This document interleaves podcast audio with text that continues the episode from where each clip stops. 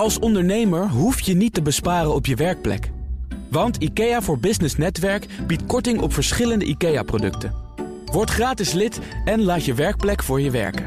IKEA, een wereld aan ideeën. Ondernemerspanel. Medewerkers verplicht om zich te laten vaccineren is wellicht ethisch. Een behoorlijk grijs gebied, maar is het uh, tegelijkertijd een teken van vooruitstrevend ondernemerschap. En de Dutch Grand Prix staat op het punt van beginnen. Vrije training is in volle gang. Is het ondanks alle ophef een mooi ondernemersprookje? Dat en meer bespreek ik in het ondernemerspanel. En daar zit Monique Ansink van Jumbo Spanbandfabrikant. Ook uh, commissaris bij de Rabobank in West-Friesland. En co-founder gewoon even gezegd, hier van All Day Nuts. En Wendy van Ierschot is er ook, oprichter van V-People en VTech Capital. Welkom, fijn dat jullie er zijn. Dankjewel. Met uiteraard allereerst jullie eigen nieuws. Wat is dat? Ja, ik heb een beetje gek nieuws. Dat is namelijk een boek, heb ik meegenomen. En dat is een boek wat is uitgekomen in Zweden. En daar bestseller is. Kijk, het wordt echt uitgetast. Ja, en dat is een boek en dat heet Geloof niet alles uh, wat je denkt. En uh, ik was erdoor getriggerd, want ik was in Bordeaux... en daar stond die tekst op een muur op vakantie. En toen dacht ik, wat een grappige tekst. En toen was ik vervolgens in Maastricht vorige week... en toen zag ik dit boek staan in het schap. Toen dacht ik, nou, wat uh, bizar. Dus ik koop dat boek en er staat in... ga dit niet in één keer uitlezen, maar Oh. dat heb ik wel gedaan. Oh jee, wat is er misgegaan? Nee, dat is echt een heel gaaf boek. Het is een, eh, een jongen, die een hele intelligente jongen, had een goede baan. En die heeft toen besloten om bosmonnik te worden. En hij is uiteindelijk weer na 15 jaar teruggekeerd in het normale leven. En hij heeft zijn inzichten in dit boek geschreven. En eh, ik dacht eigenlijk heeft hij hier right time, right place. Want de inzichten die hij hierin vermeldt, ja, die hebben we allemaal nu echt nodig om die transitie te maken naar die duurzame wereld. Nou, Dus, één eh, inzicht dan.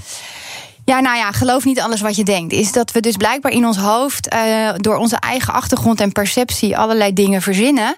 En daar, je hebt wel een keus om eh, te geloven wat je denkt. Je hebt geen keuze in wat je zelf verzint. En ja, dat, als je zo in het leven staat, zou dat ook een oplossing kunnen zijn voor die grote conflicten. Zoals nu ook weer met oorlogen die eh, op ons afkomen. Ja, ik denk wel als we allemaal zo eh, gaan leven, dat de wereld er een stuk vrolijk uitziet. En ook eh, de manier van zaken En doen. we, we moeten dan eerder dit boek lezen dan eerst 15 jaar bosmonnik worden. Nee, hij heeft het voor ons gedaan. Dus wij hoeven alleen maar dat boek te lezen en eh, te geloven wat hij schrijft. Goed zo, Dus, dat dan weer wel. Dat dan weer wel. ja. Wendy, wat is jouw nieuws?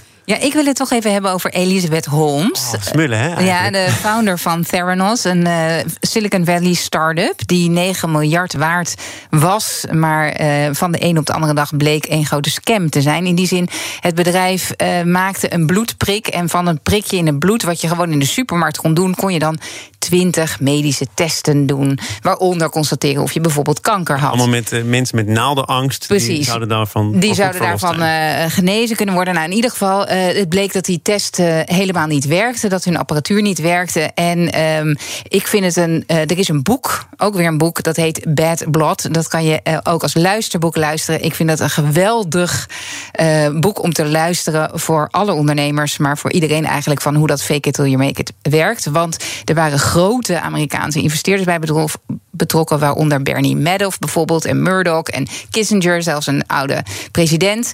En het bleek allemaal niet waard. Nou, wat is nou het relevante? Het proces tegen haar is net gestart. En zij gaat aanvoeren, is de eh, verwachting dat zij eh, deze leugens allemaal heeft verspreid. omdat ze onder druk werd gezet door haar vriend Ja, slash heeft ze man. volgens mij voor een deel al gedaan, inderdaad. Hè? Ja. Ze was niet eh, voor rekening vatbaar omdat haar man haar eh, misbruikte, intimideerde. Ja, precies. En dat vind ik dan toch een beetje jammer. Dat ik denk, nou hebben we dus een vrouw. Ja, dit klinkt misschien heel raar. Ik weet niet hoe goed hoe ik dat uit moet leggen. Maar ik was echt teleurgesteld. Dat ik denk, nou, er wordt er zo'n soort vrouwelijke eh, zwakte als, eh, als eh, reden aangevoerd om je straf te verminderen. Terwijl ik denk, zij was nou juist zo'n stoere vrouw die nou, het niet goed heeft gedaan Maar wat natuurlijk. had ze dan moeten zeggen? Ik heb helaas een leugenachtig karakter en daardoor is het allemaal in de soep gelopen. Nou ja, of in ieder geval Sorry, gedacht. ja. eh, ik zou meer op de tour gaan. Maar goed, ik ben natuurlijk geen advocaat. Maar ik zou eh, wel denken van hou die rechte rug in de zin van je hebt eh, geprobeerd om het achter de schermen goed te krijgen op tijd. En dat gebeurt bij heel veel bedrijven dat er natuurlijk dingen niet kloppen. En dan ben je gewoon te ver ingegaan. Maar om het nou op zo'n. Ja, ik werd onder druk gezet en mishandeld. En daarom. Ik vond het eigenlijk wel geraffineerd bedrog. Als je kijkt ook bij rondleidingen, dat ze ervoor heeft gezorgd dat er dan net toevallig andere apparaten stonden, omdat de eigen apparaten van het bedrijf eigenlijk geen cent meer waard waren. Nee, ja, daarom. Enorm, ja. En, het is heel ver gegaan. En afdelingen werden ook afgesloten. Hè. Kelders werden, verdiepingen waren niet zichtbaar op de map alsof dat onderdeel was van het bedrijf. Het is echt heel ver gegaan. En je maakt mij niet wijs dat dat dan door onderdrukking komt. En ik vind het gewoon uh, zo jammer dat, dat het zo'n vrouwelijk. Ja, dat, dat je een beetje de vrouwelijke kaart speelt. Van ik ben toch het zielige meisje. Ja. Terwijl ik denk, je bent helemaal geen zielig meisje blijf met de rechterrug opstaan. Hoe zielig zijn de medewerkers van Leaseplan? Daar gaan we ons nu over buigen, want eh, die moeten dat zeg ik toch wel eigenlijk terecht, naar eh, kantoor komen. En als ze gevaccineerd zijn, dan zijn ze ook zeer welkom. Het gaat erom dat vanaf maandag uh, Leaseplan begint met 50% bezetting. Maar uiteindelijk willen ze ook weer terug naar 100%. En die vaccinatie speelt daarin een cruciale rol. Al zegt Leaseplan, wij gaan daar niet expliciet naar vragen. Hoe kijk je naar de opstelling van het grote bedrijf? Monique? Nou, eerst vind ik het zelf altijd lastig als mensen regels gaan stellen en die gaan het niet handhaven. Dus dan denk ik, stel dan zo'n regel niet. Dus om daarmee te beginnen. En ten tweede denk ik dat in mijn situatie zou ik dit nooit durven vragen. Want ik denk niet dat wij als bedrijf dan uh, daartoe gemachtigd zijn. Ik zou daar dan de overheid voor willen vragen om dat soort dingen te verzinnen. En daar moeten we dan met elkaar als gemeenschap over eens zijn. Maar die dus- overheid heeft al gezegd, uh, wij gaan helemaal niet zover dat we tot een prikplicht willen komen. Er mag geen dwang zijn, er mag ook geen drang zijn. Nee. Nee. Nee, dus dat hebben we blijkbaar jongens, democratisch is... besloten. Dus denk ik, ja, daar moet je als bedrijf aan conformeren... en dan kan je niet je eigen regels gaan stellen. Dit is nou zo'n voorbeeld waarin echt leiderschap nu zou betekenen... dat je teruggaat naar je personeel en zegt... jongens, we hebben dit verkeerd ingeschat. Dit was niet goed. We hebben niet ingeschat dat het zoveel weerstand zou oproepen. We wilden dit doen vanuit de goedheid van whatever intentie. Dom, we draaien het terug. Punt. En waarom is het zo dom? Omdat er weerstand komt vanuit de eigen gelederen? Nou, omdat ten eerste de politieke context er niet voor is. Heel anders dan in de VS. Hè, want daar is de, de, de, context van de politiek anders. Dat is hier niet. Dat is denk ik een inschattingsfout. Het tweede is dat je eigenlijk een paradox geeft aan de mensen. Hè. Je, we willen dat je je gaat prikken, maar we controleren niet. Um, maar we verwachten, we vertrouwen erop dat mensen dat doen. Nou, dat is een soort wees spontaan paradox. Ik zeg tegen jou, uh, je doe het spontaan. En het eerste wat je dan doet is natuurlijk per definitie niet van spontaan. En dit is gewoon uh, echt een moreel dilemma neerleggen bij medewerkers, wat gewoon ook niet ethisch is, denk ik. Nee. Um, dus ik zou zeggen, uh, kwetsbaarheid in het leiderschap hebben we nodig. En een van de momenten waarop je dat kan laten zien, is nu. Namelijk, jongens, dit is gewoon geen goed besluit geweest. Is leiderschap ook niet uh, inschatten dat er een bepaalde beweging op gang komt? Kijkende naar landen, niet eens heel ver hier vandaan, hè, want we hebben het veel over Amerikaanse bedrijven die nog een stapje verder gaan. Maar in Frankrijk ja, heerst er ook al een ander regime. Ja. Dat je denkt, ja, dit gaat gaat uiteindelijk toch ook hier komen. En wij zien meerwaarde van mensen op kantoor. Dus komen wij nu met dit voorstel? Nee, maar dan zou je als bedrijf naar de politiek moeten stappen en eh, zeggen: Goh, we hebben een ander idee, kunnen we het erover hebben. Maar we hebben juist nu zo hard gevochten in Nederland voor vrijheden. En dan kan je als bedrijf daar niet zo doorheen uh, walsen. Dus uh, dat zou ook zonde zijn. Nou, en, dus ja, ja, en los van het ja. feit of je inhoudelijk misschien een punt hebt, hè? Want, want daar gaat het mij eigenlijk helemaal niet om. Of het, of, het voor, of het misschien een goede beslissing of een foute beslissing is. Maar de context is er niet naar. Daar, daarnaast wilde 96% van de mensen helemaal niet terug naar kantoor fulltime. Wat ze dan toch wel uiteindelijk als doel hebben. En uh, hier gaat heel veel tijd nu naartoe. Dus mensen gaan hierover praten. Dit leidt allemaal af. Zonde, ja. Zonde. Ah, maar jij zegt uh, inhoudelijk, uh, daar gaat het nu even niet om. We hebben ook wel eerder in dit programma discussies gevoerd. Hier te gast was van ja, Nederland moet op een andere manier toch weer geprobeerd van het slot af te raken. Ja. Is dit dan niet een manier om ervoor te zorgen dat mensen inderdaad weer gaan functioneren zoals ze dat voorheen deden? Is dit een manier? Uh, nee, want het levert te veel weerstand op. En, uh, en, en, en, je hebt geen juridische basis om het op te doen. En op het vertrouwen, dat is, vind ik, echt een kaart die je niet mag spelen. Ja. Nou ja, je hebt geen juridische basis om het te doen. Er zijn heel veel arbeidsrechten-specialisten natuurlijk aan het woord gekomen aan de hand van deze casus en wat er in Amerika zich afspeelt. Pascal Bestelink is een van hen. Hij is van DAS, ook regelmatig te horen hier op deze zender. Hij zegt: ja, je moet wel twee zaken tegen elkaar afwegen. Hij vindt eigenlijk dat Liespan over de streef gaat maar het gaat hier ten principale over de vrijheid van werknemers versus de plicht van een werkgever om er ook voor alle anderen voor te zorgen dat de, de omgeving zo veilig mogelijk is. En dan gaat het over de andere medewerkers, dan gaat het over klanten. Ja, dat is dan toch per definitie wel weer dat grijze gebied, of niet?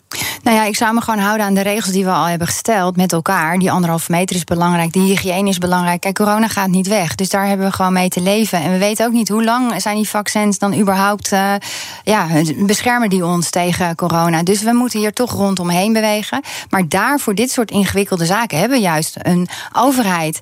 En daarom kiezen wij en daarom eh, hebben we een democratisch besluit. En dat kan je gewoon als bedrijf niet overnemen. dat is net als het rokenbeleid. Dat is ook vanuit de overheidswegen uiteindelijk toch de knoop doorgehakt. Daar hebben we voor gekozen. En dat kon je als bedrijf ook niet zelf veranderen. Nee, en ik, vind, ik ben het eens met uh, Monique van het ligt bij de politiek dit. Want uh, bedoel, ik vind zeker dat je als werkgever zou ik ervoor zijn dat we meer zouden mogen doen als het gaat om de gezondheid. Ik zou graag medewerkers die duidelijk niet goed voor zichzelf zorgen, veel meer kunnen willen dwingen om goed voor zichzelf te zorgen. Dat mag niet.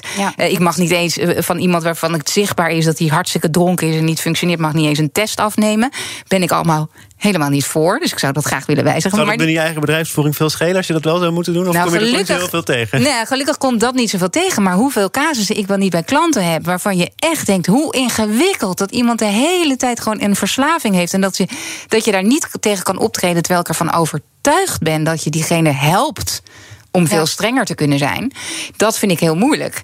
Maar nu in de casus van Liesplan, ze, gaan, ze zijn te snel het is geen goede timing. Het leidt af van wat je wil in het bedrijf. Het is nu niet een goede beslissing. Als je zegt uh, ze zijn te snel, het heeft voor een deel met timing te maken, mhm. dan moet je natuurlijk ook weer afwachten wat de volgende persconferentie voor nieuws oplevert. Want ik begrijp dat een deel van de problemen voor de managers erin zitten. Dat zij nu medewerkers moeten gaan verplichten zich te melden. Terwijl het thuiswerkadvies van de overheid ook nog altijd geldt. Precies. Stel nou dat dat thuiswerkadvies er op 20 september, meen ik, vanaf gaat. Ja. Verandert dat dan ook weer deze hele casus? Als ze erbij zeggen dat de overheid zegt voor medewerkers die terug willen naar kantoor, stellen wij in als je in een ruimte wil zijn met meer dan 25 mensen, dan moet je gevaccineerd zijn. Dat, zou een, dat zouden ze kunnen besluiten. Ik denk niet dat, het, dat er steun voor is, maar stel, ja, dan heb je een, een basis om dat te doen. Ja, ben ik mee eens. Ik denk dat het moet bij de overheid eh, vandaan komen. Dan is de, komt het volgende probleem weer om de hoek en dan moet weer een nieuwe oplossing voor bedacht worden. Ja, eens. We gaan uh, dit afwachten, want hier zal het laatste woord nog niet over gesproken zijn. Wel door ons, want het uh, tweede onderwerp wacht op ons. BNR Nieuwsradio. Zaken doen. Thomas van Zeil. De gast is het eh, ondernemerspanel Monique Ansink van Jumbo Spanbandfabrikant en van de Rabobank in West-Friesland en All Day Nuts. Ja, je mag maar blij zijn dat het gewoon uiteindelijk toch een paar keer op de radio is. Ja, hoe gaat het eigenlijk met All Day Nuts? Ja, heel goed. Ja, heel goed. Het is leuk om. Uh, ja, jij denkt ook weer iemand die heel zegt dat het goed gaat. Nee, het is natuurlijk hartstikke moeilijk als start-up om, uh, om door te breken. En ik wil even zeggen dat mijn puberkinderen die, die zakjes dus allemaal meenemen naar school. Echt ja, top. Nou, superleuk. Ja, maar het is ook nog eens heel leuk omdat we eraan werken. Ook met de boeren uit uh, de landen waar we de nood vandaan halen. En de, de eerste boer is uit Vietnam. En ja, dat is wel heel grappig om op die manier anders te werken. Ja. Dus van Ierschot is er ook nog altijd. Uh, van V-People en V-Tech Capital. Dan gaat het over uh, Easy Toys. Want dat uh, bedrijf, ik moet zeggen eigenlijk het bedrijf achter Easy Toys... de Ecom Group neemt de vijf winkels van Christine Leduc over... met behoud van de naam, de iconische naam Christine Leduc.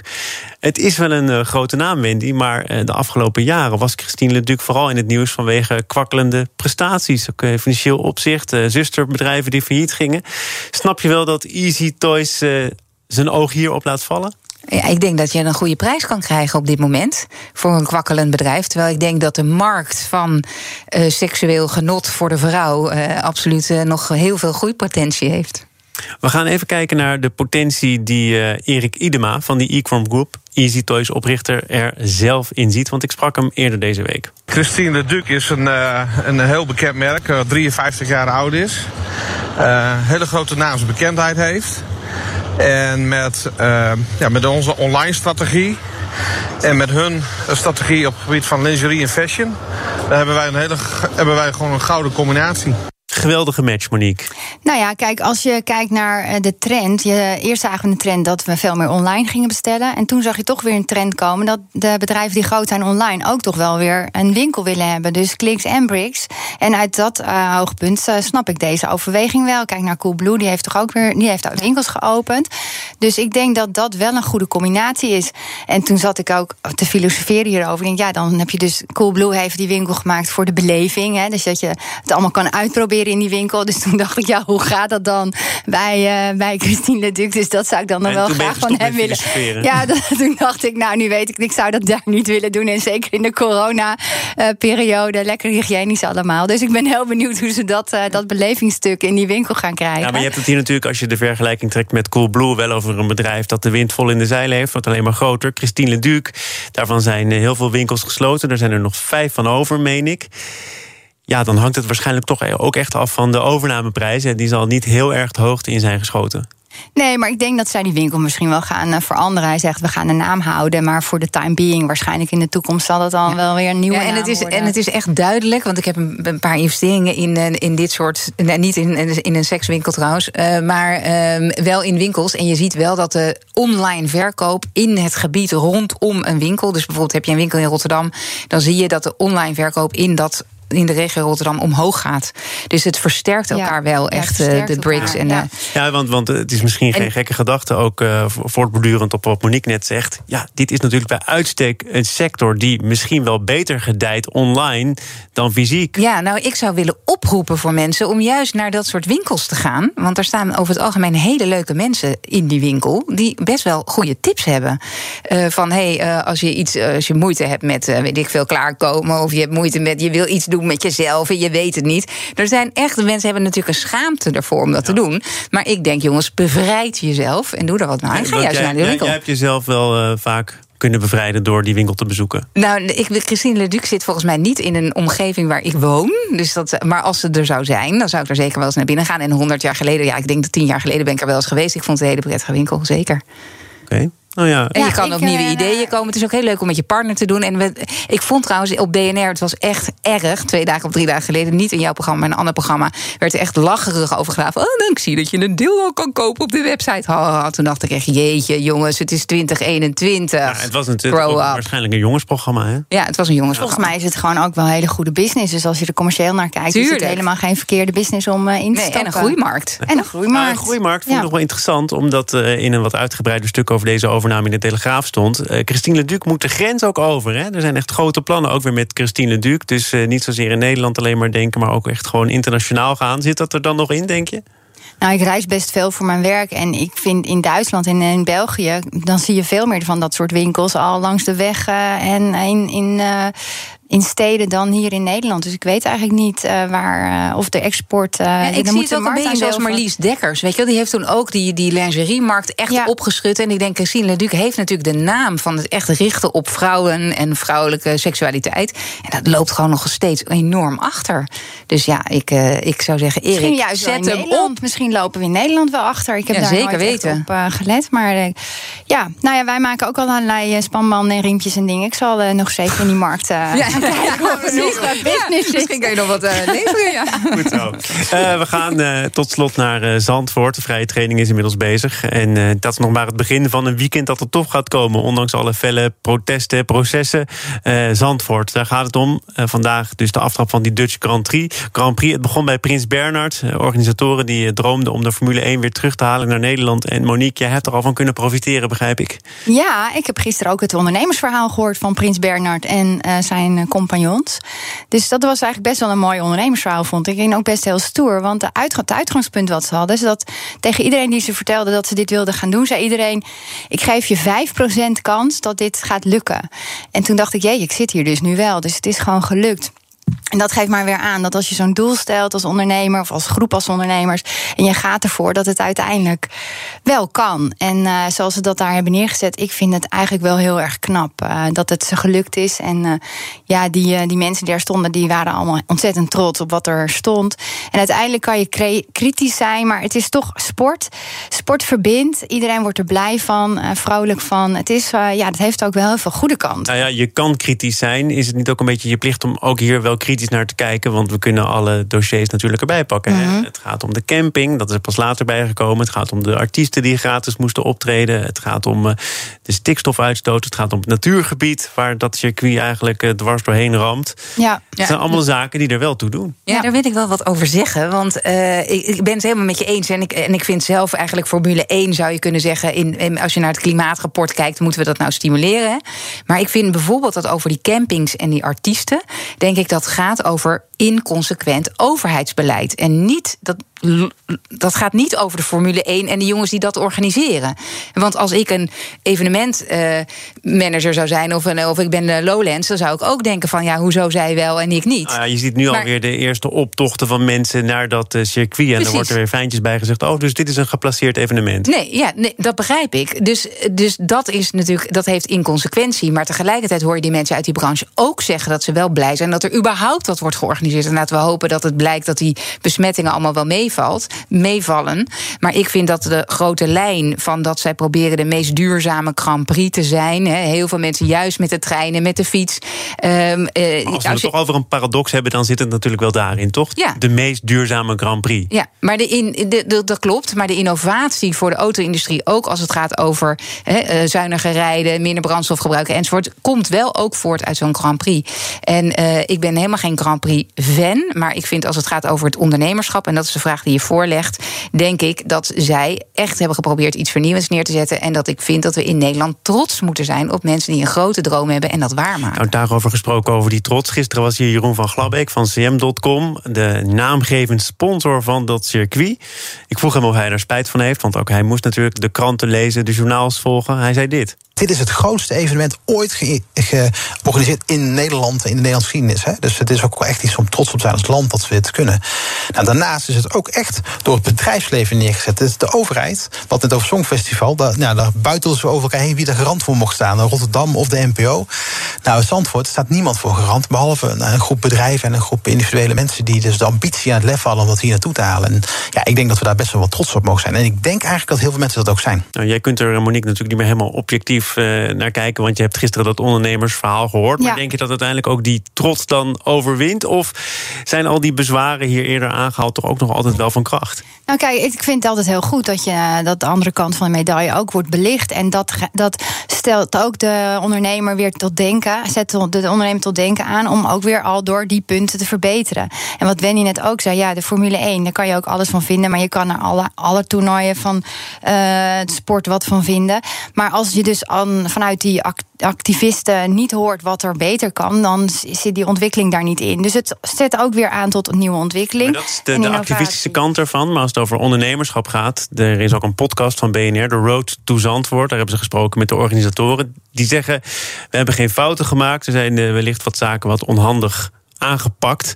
Maar als je dan kijkt naar. eh, ja, de grote genius hierachter, Prins Bernard Junior. Had je die dan eh, wat vaker toch moeten laten horen om zich ook te verdedigen tegen alles? Want hij is natuurlijk alleen maar negatief in het nieuws gekomen. Ook eh, omtrent de vergoeding voor artiesten die er niet was. Ja. Allemaal niet zo handig. Ja, kijk, hij was daar gisteren zelf simpel over. Hij, hij had zoiets van, ja, hoge bomen vangen veel wind. En hij, je zegt, hij weet van tevoren als hij aan zoiets begint... dat er commentaar op komt. En dat is eh, zijn manier van leven. Hij weet dat gewoon, maakt niet uit wat hij doet. Er komt commentaar op. Maar aan de andere kant, naar die commentaren kan je die ook commentaren luisteren. komen toch omdat hij doet wat hij doet, of niet? Ja, maar je kan nooit alles 100% goed doen. En zeker niet in deze, in deze ingewikkelde situatie. Dus hebben te kampen met verschillende dingen. Je hebt met milieu te kampen. En je hebt natuurlijk nu met corona te, te maken. Dat zijn wel verschillende dingen. Dus ze hebben het best heel zwaar gehad. Maar desondanks, ze sta, het staat er.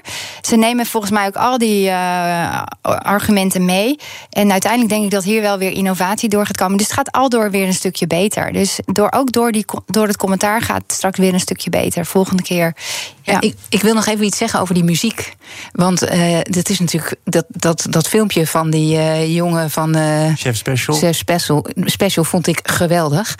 En ik denk, we mogen blij zijn dat dit zo gebeurd is. En dat hij juist die oproep heeft gedaan. Of via hem, of hij het nou echt heeft gedaan omdat ze zijn naam hebben gebruikt. Want nu staat dat weer op de kaart. Het ging er een week lang over. En het is natuurlijk vreselijk dat die artiesten de hele tijd worden gevraagd van ja, om jouw muziek te promoten, kom hier gratis.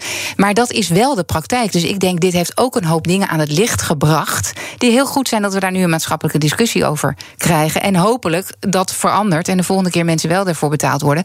En we moeten ook rekening houden dat zij wel een derde minder inkomsten hebben gekregen. doordat het uh, evenement dus uh, minder uh, vol ja. kan komen. En dat je dat dan als ondernemer probeert, dat begrijp ik. En het is heel goed dat daar een maatschappelijke discussie over komt. Daarom gaan ze het ook de komende drie, vijf of misschien wel tien jaar ook nog organiseren om de pijn van dit jaar een beetje te kunnen verdelen. Nou ja, heel veel plezier dan voor de kijkers uh, komend weekend naar de Grand Prix in Zandvoort. En dank voor jullie komst. Wendy van Ierschot van V-People en VTech Capital en Monique Ansing van Jumbo Spanbandfabrikant en All Day Nuts. Zometeen is het uh, na de nieuwsbeet van half twee weer tijd om te gaan pitchen in Benershaar.